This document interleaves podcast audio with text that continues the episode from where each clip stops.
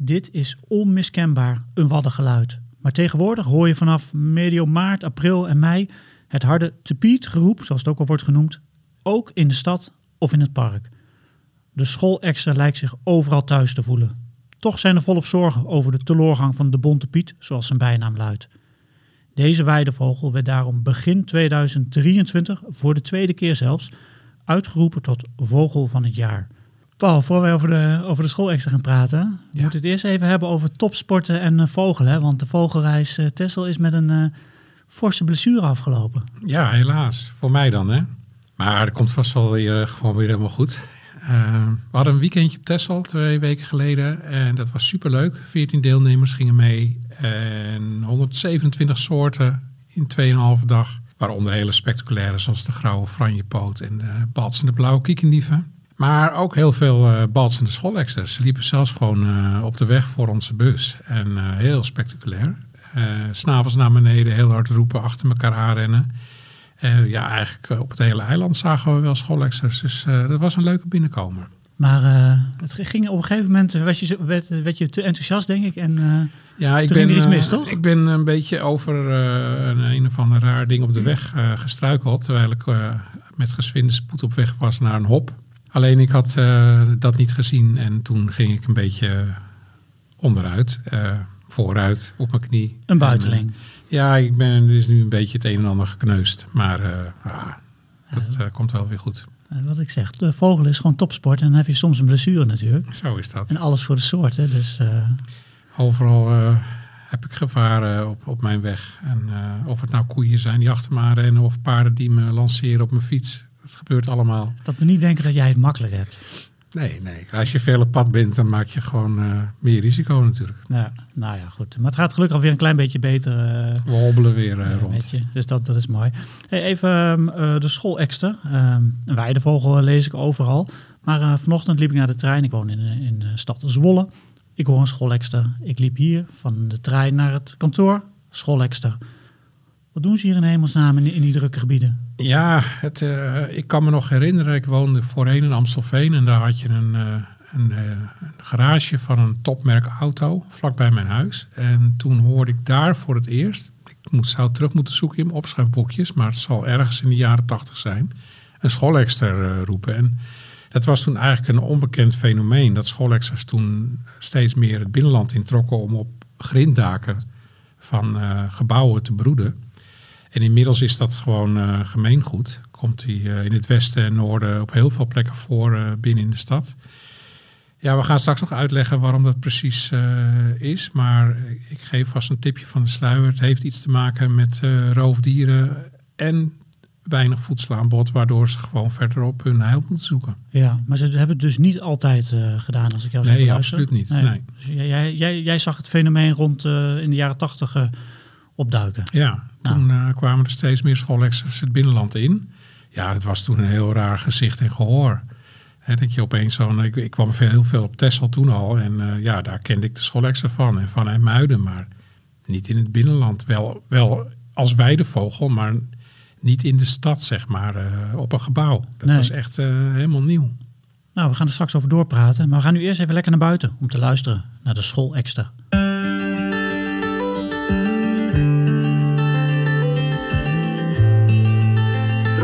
Presenteert Notenkrakers. De vogels fluiten buiten, wil je weten wie ze zijn? Kom en luister naar Notenkrakers. Welkom bij de podcast Notenkrakers. Mijn naam is Daniel Mulder en in deze podcast van mei 2023 neem ik je mee in de wereld van de chilpende, zingende, piepende en kwakende vogels. En tijdens deze reis, je hoorde hem net al even, door de wereld van de vogelgeluiden is ook Roes-redacteur en collega Paul Beur aanwezig, die bijna alles weet over vogels. Um, ja, we hebben het net al heel even gehad, uh, Paul, over de, over de schoolexter. Uh, kun je me eens in een paar zinnen uh, schetsen voor de mensen die hem niet kennen? Ja, het is een hele opvallende verschijning.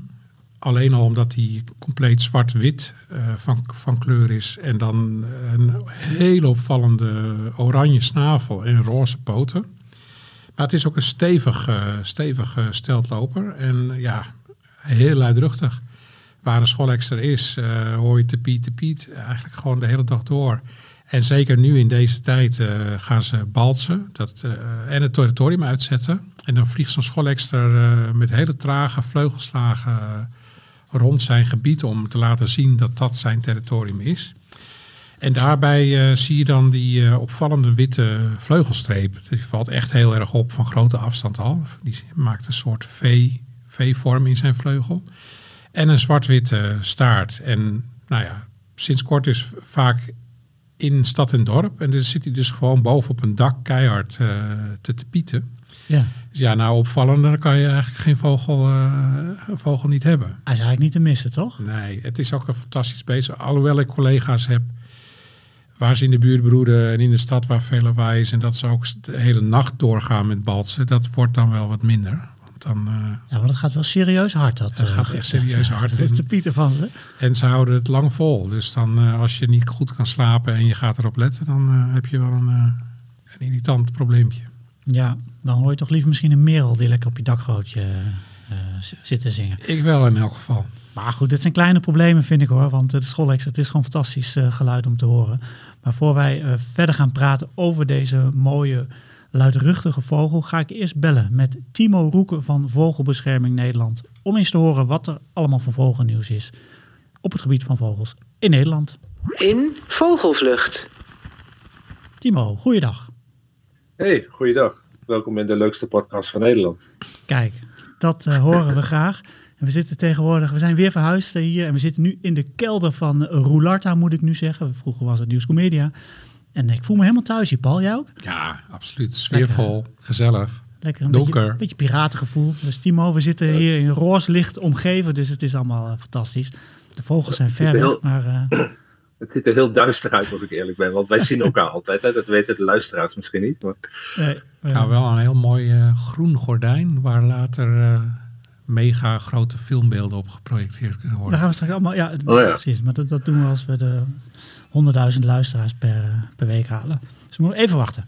Ehm, we gaan even in, even in kort bestek even de wat leuke vogelnieuwtjes eh, bespreken.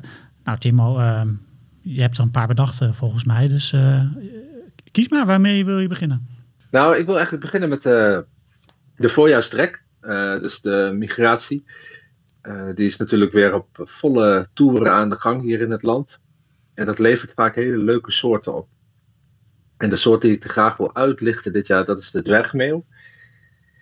En de kokmeeuw, die kennen we allemaal. Daar gaan we het zo ook nog even over hebben.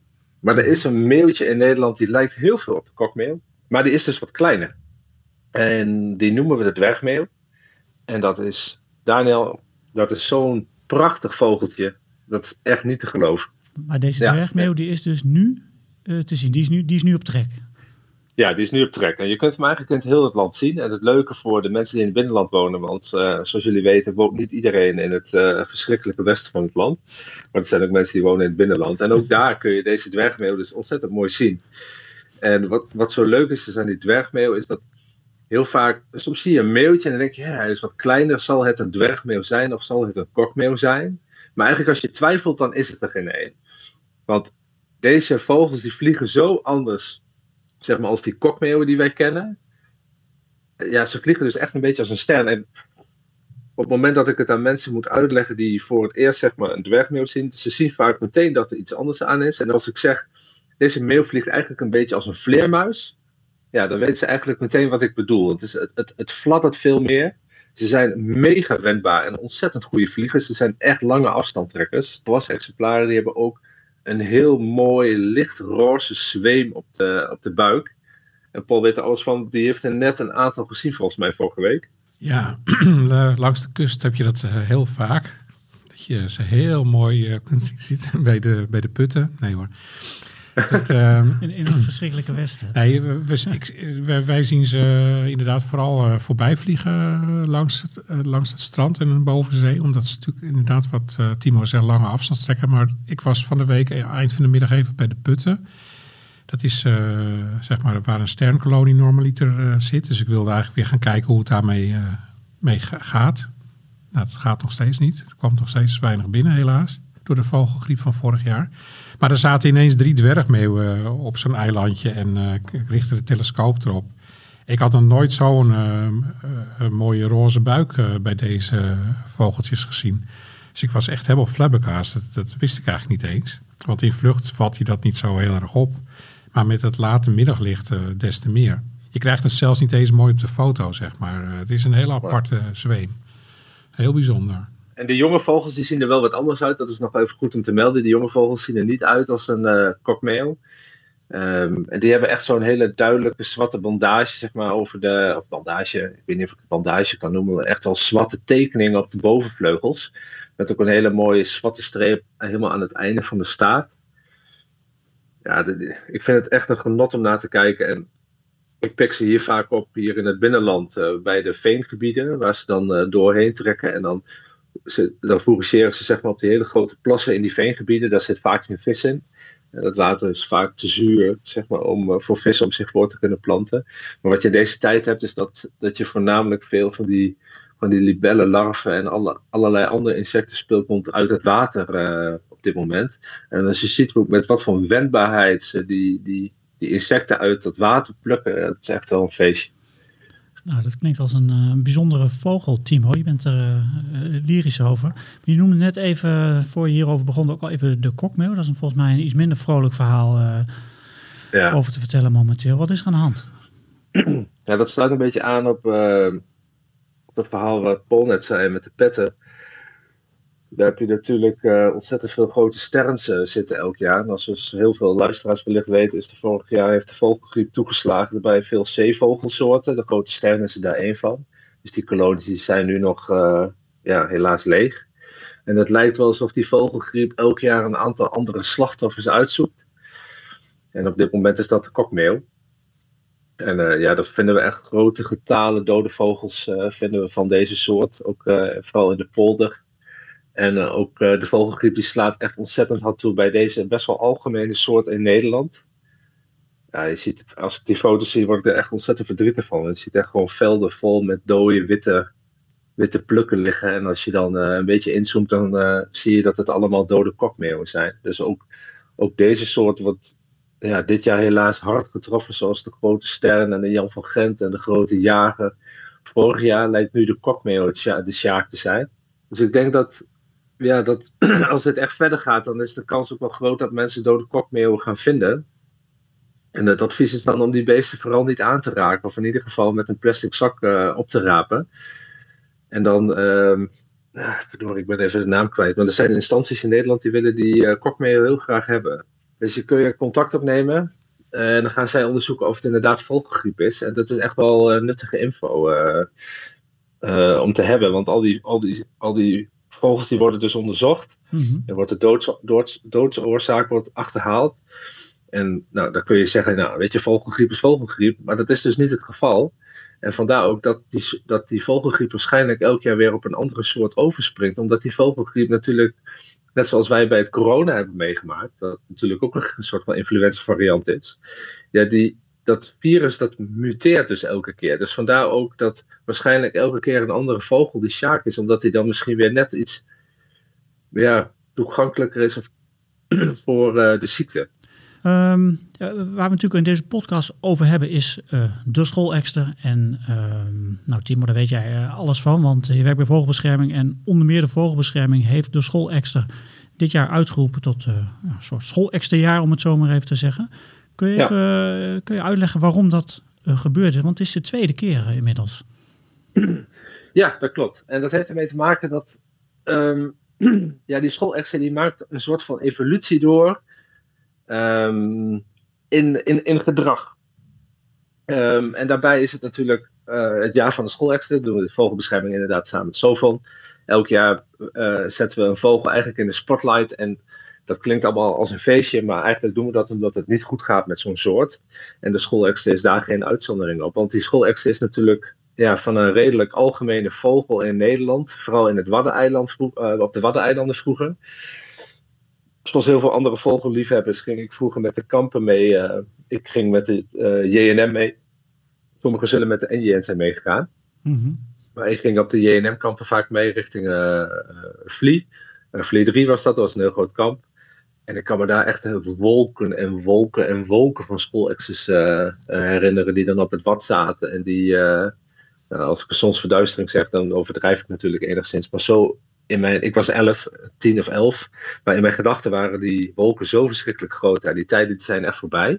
En die schoolexen die zijn dus eigenlijk vanaf het Waddengebied zijn ze naar het binnenland vertrokken.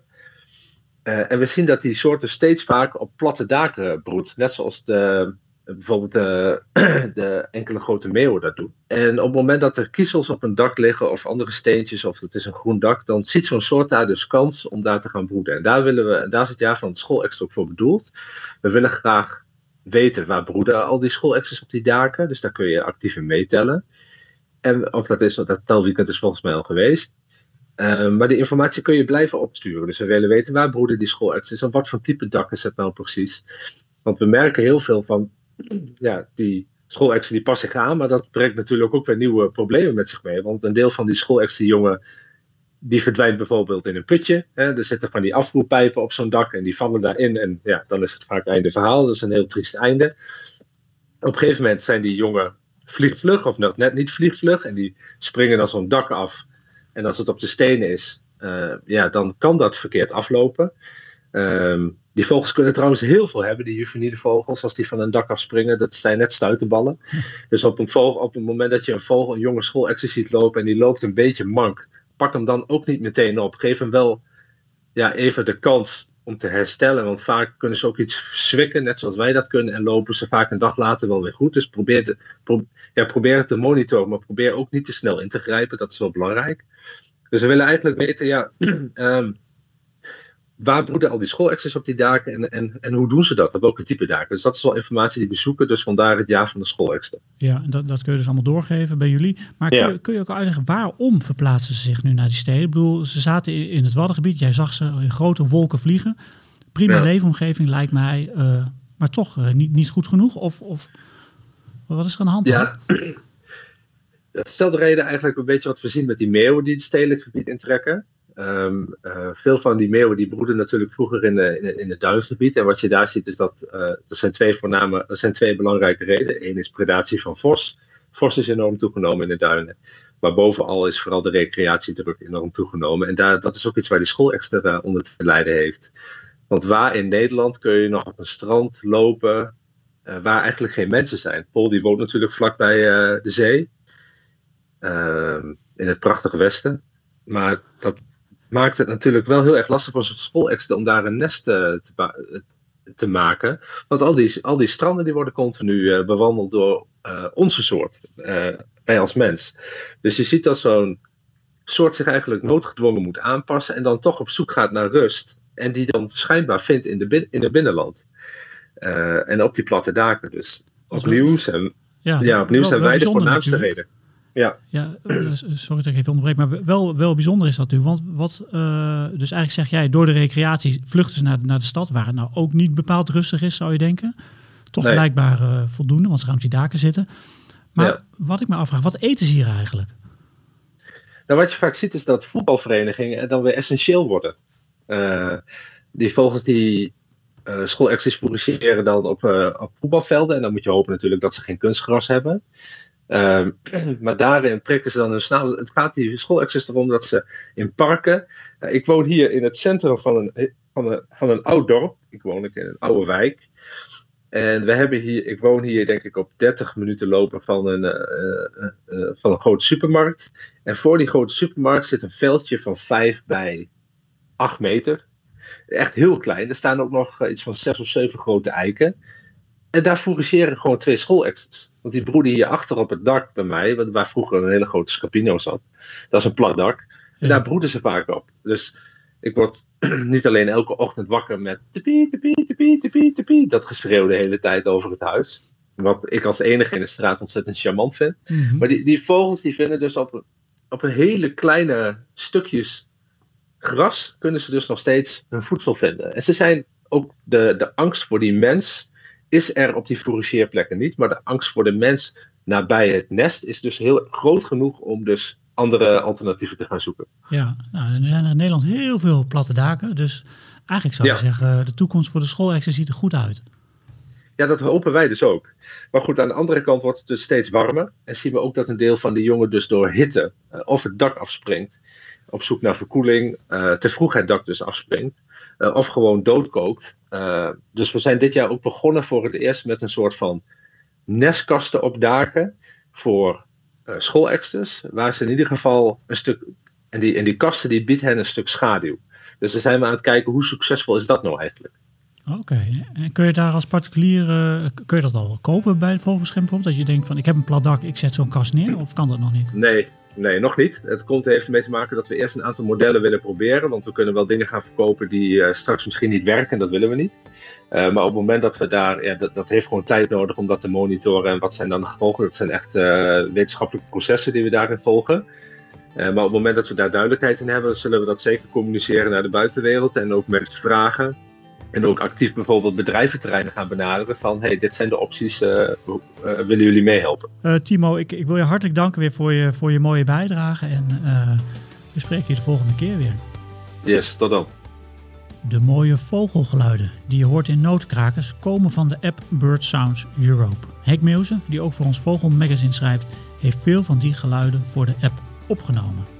En achter die mooie geluidsopnames schuilen weer mooie verhalen en daarom heb ik met Henk afgesproken op de Veluwe bij het Gelderse buurtschap 3 in de Beukenbossen om te luisteren naar zijn verhaal achter het geluid van de schoolekster.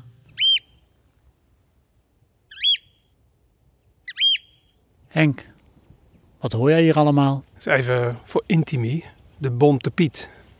Ik vind het echt een leuke naam. Gewoon, daar zit iets van zijn uiterlijk in. Daar zit iets van zijn roep in. En tegelijkertijd weet je nog niet welke vogel het is. Maar ja, de, de bontpiet. De Piet, hè, dat hoorde je. De Piet. De Piet, dat is de roep van de schoolekster. Ja, en hij is bont. Al vind ik wit, zwart en rood wel, om dat meteen bont te noemen. Het kan bonter. Maar het is een, ik vind het een leuke naam. De, het uiterlijk van de vogel zit erin en, en zijn roep. De Piet. Ik heb, het heeft bij mij vrij lang geduurd. Ik kom van de zandgronden. En dat was in de jaren zeventig al, dat die schoolexers het land introkken. Waarschijnlijk al wel eerder, en dat die gewoon op de akkers broeden. Maar ik heb eigenlijk altijd ook maar dat tepiet in mijn hoofd als het geluid van de schoolexter. En mijn ouders hadden vrienden in, uh, in Overijssel, bij de, bij de Vecht. En dat ken ik ook. Maar waarschijnlijk omdat ik in de zomer, ja, dan zijn die beesten een beetje uitgebalst. En dan hoor je ze wel, als ze voorbij komen vliegen, dan hoor ik je tepiet, tepiet. Nou, ze kunnen veel meer. Schoolexters hebben veel meer uh, nood op hun zang. Maar wat kunnen ze nog meer dan?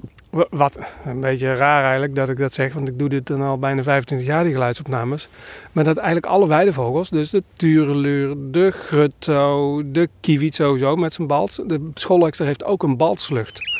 En dat is helemaal raar eigenlijk. Misschien ben ik er vooral achter gekomen sinds dat ze ook de stad in zijn getrokken. Dat ik onderweg naar, uh, naar de supermarkt, we hebben een supermarkt gecombineerd met een sporthal, een heel groot plat dak.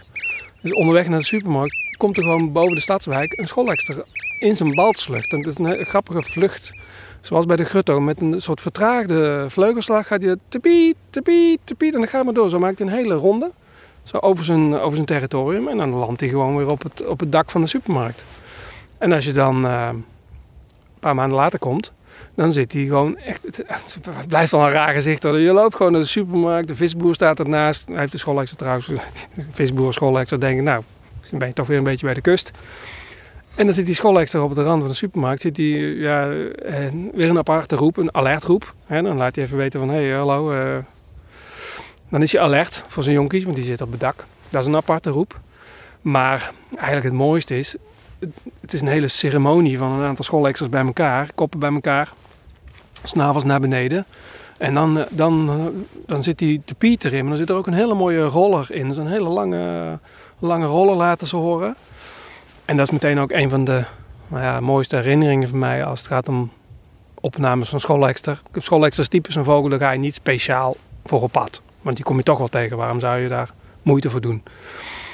En ik kwam een keer bij een akkertje en ik hoorde ze bezig. Ik denk, nou, misschien uh, kunnen ze het wel leiden dat ik hier wat dichterbij kom. Een beetje dichterbij. En dan heb ik een, kon precies richten op twee mannetjes. Die stonden zo tegenover elkaar. En dan hoor je het hele, hele repertoire voorbij komen aan, aan, aan die, die mooie lange roller. En, en ja, het is een beetje echt een een vocaal eh, gevecht. Eerst twijfel ik een beetje, wat, wat speelt hier nou precies? Want er zat nog een vrouwtje zat erbij. En eh, na een tijdje taaide het ene mannetje af. Dus toch echt eh, even armpje drukken. Even alles uit de kast qua, qua geluid. En even eh, kijken ja, wat ze waard waren misschien voor het vrouwtje. En uiteindelijk is het ene mannetje afgetaaid. En echt te piet roepend verdween die. Toen dacht ik, ah, zo gaat dat bij die, eh, bij die beesten. Is een heel eh, uitgebreid eh, antwoord wat je nu geeft. Maar Mhm. nog even terug, want je hebt het over de zandgronden. Hè, dat jij dat geluid daarvan herkent. Ja, ik, ik ken het eigenlijk vooral van de Wadden als ik daar als op vakantie eh, kom. Maar af en toe hoor ik hem nu ook in, in de stad rondvliegen. Die vogel, zit hij nu op de Wadden? Zit hij nu op de zandgronden? Zit hij nu in het binnenland? Zit hij op de daken? Waar zit die schoolexer allemaal? Nou ja, misschien overal. Alleen in de winter eh zullen ze niet aantreffen, maar hij trekt dan ook weer niet weg. Tenzij het echt heel hard gaat vriezen. Maar in de winter is het dus echt een kustvogel. Dan, dan trekken ze naar de, naar de Wadden en naar, eh, naar Zeeland. En dan zie je ze op de strekdammen. Of, of dat, dan vinden ze altijd wel ergens eh, voedsel. Zodra het lente wordt, nou ja, dan gaan ze dus inderdaad eh, het land in. Alleen, ehm, en waarschijnlijk weet Paul dat wat beter van waarom ze nou precies waar ze last van hebben. Sowieso van predatie op het land. Hè. Daar hebben wel meer weidevogels last van, van predaties van, eh, van steenmarters of andere marters of, eh, of eh, vossen. Ja, dan zijn ze op het platte dak ineens toch weer een stuk veiliger. Daar, komt geen, daar komen die predatoren niet zo makkelijk. Of het moet een meeuw zijn die ook op het platte dak broedt. Maar dan gaan ze trouwens ook wel fel tekeer hoor. Als je het dan hebt over het repertoire van de schoolextra, dan hebben ze een hele felle, felle alarmroep. Maar ja, het platte dak lijkt tegenwoordig toch wel een beetje de, de vluchtheuvel te zijn voor de, voor de schoolextra. Ja, je noemt net al even hè, dat felle gedrag van de schoolexter. Het is wel een uh, druktemakertje, of niet? Ja, ja, ja maar wel een leuke, een leuke druktemaker. Het is, het, is een, het is een mooie vogel. Het is een... Um, nou ja, wat ik zeg, hij, heeft dat, dat repertoire is vrij, toch vrij groot. En ja, zo'n balsvlucht. Ja, nee, misschien is hij in, in zijn nog redelijk bescheiden. Hij roept wel duidelijk, maar je, ziet echt, uh, het heeft iets relaxed. Die vleugelslag die is lager, uh, langzamer. Ja, het is al, uh, dan ga ik hem altijd even volgen. Dan volg ik even die balsvlucht en dan komt hij op dak. Nou, Oké, druktemaker. Hij weet zich goed te verdedigen tegen, tegen predatoren, maar toch zit hij liever op het dak dan, dan op de akker. Je luisterde naar Henk Meeuwse en Henk is de man achter de app Bird Sounds Europe. En daarin zitten maar liefst geluiden van 465 Europese vogelsoorten. En als je dat allemaal nog gaat optellen bij elkaar, dan krijg je maar liefst 2374 geluiden. Henk heeft het mezelf uh, doorgemaild dat het zoveel zijn. En heb je meer dan 7 uur en 24 minuten aan geluid. Dus nou ja, die app, kortom, zit boordevol mooie vogelgeluiden. Dus check hem even als je hem nog niet hebt, want het is echt de moeite waard. Paul, uh, zoals uh, wel vaker heeft Henk een, een, vraag voor je al pratende uh, geformuleerd. En hij had het over, over predatoren, over roofdieren. Ja, klopt. En, en schoolexters. eigenlijk was zijn vraag, hebben ze daar veel last van? Nou, goede vraag wel. weet jij dat? Zeker. absoluut. Nou, we hadden het hier hiervoor al even kort met Timo over dat ze vooral de rust zoeken. Maar predatoren zijn ook een reden geweest dat ze het dak opzoeken. In de duinen vooral de vos. En in weilanden is het hermelijn die uh, gek is op eieren en uh, jonge schoolexertjes.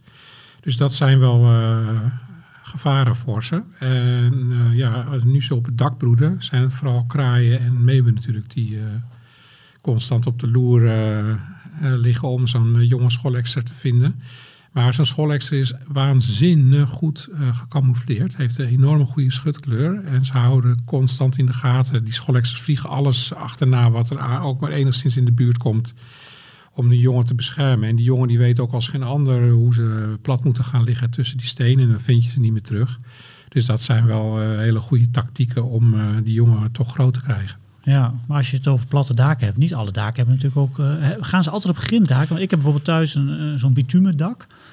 Daar gaan, zullen ze niet op gaan broeden? Nee, ze gaan altijd op grinddaken. Oh. Wat wel heel grappig is, uit onderzoek blijkt dat je hoeft maar een braadpan met grindstenen op je dak te zetten. Of ze gaan er dan al in broeden. Dus dat is wel echt ongelooflijk dat ze zelfs dat dan doen.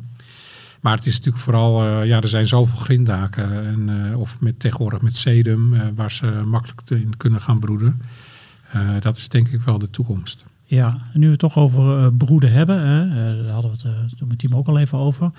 Wat, wat, wat is de broedtijd en hoeveel jongen krijgen ze en wat, wat weet je er allemaal van?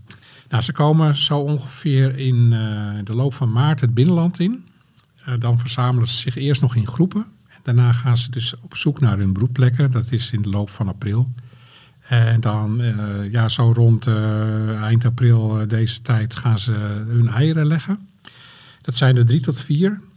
Ze broeden dus op de, in principe op de grond. Ze maken gewoon een heel simpel nestkuiltje. Heel soms broedt een schoolekster ook wel op een paal.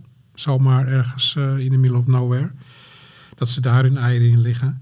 Nou, dan zeg maar half april tot eh, eind juni is dan de broedtijd. Ze hebben één broedsel per jaar. Eh de jongen, als ze eenmaal uitkomen, eh, na een week of drieënhalf komen die eieren uit. En die jongen gaan eigenlijk al heel snel op, zelf op pad. Het zijn nestvlieders, net als bij andere weidevogels. Alleen het bijzondere aan de scholekster is dat hij als een van de weinige weidevogels zijn jongen echt heel lang van voedsel voorziet. Dus eh, ze, ze, zijn zelf ook wel bezig hoor, om af en toe wat op te pikken hier en daar. Maar eh, ze worden constant gevoed door eh, pa en ma die dan komen aanvliegen. Dus dat is best wel, eh, best wel bijzonder.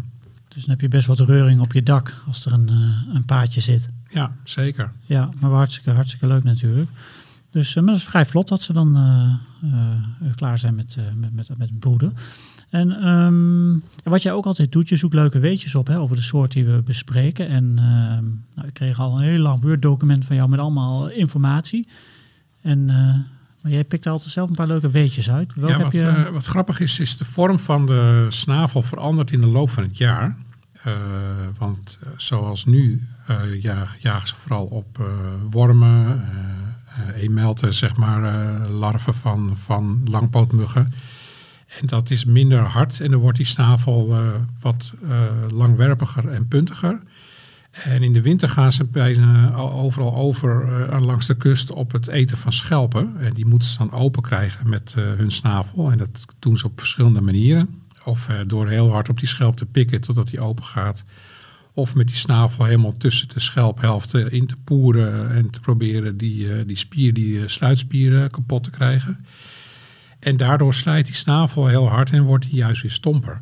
Oké. Wat ook grappig is, is in de winter krijgen ze een andere soort kraag.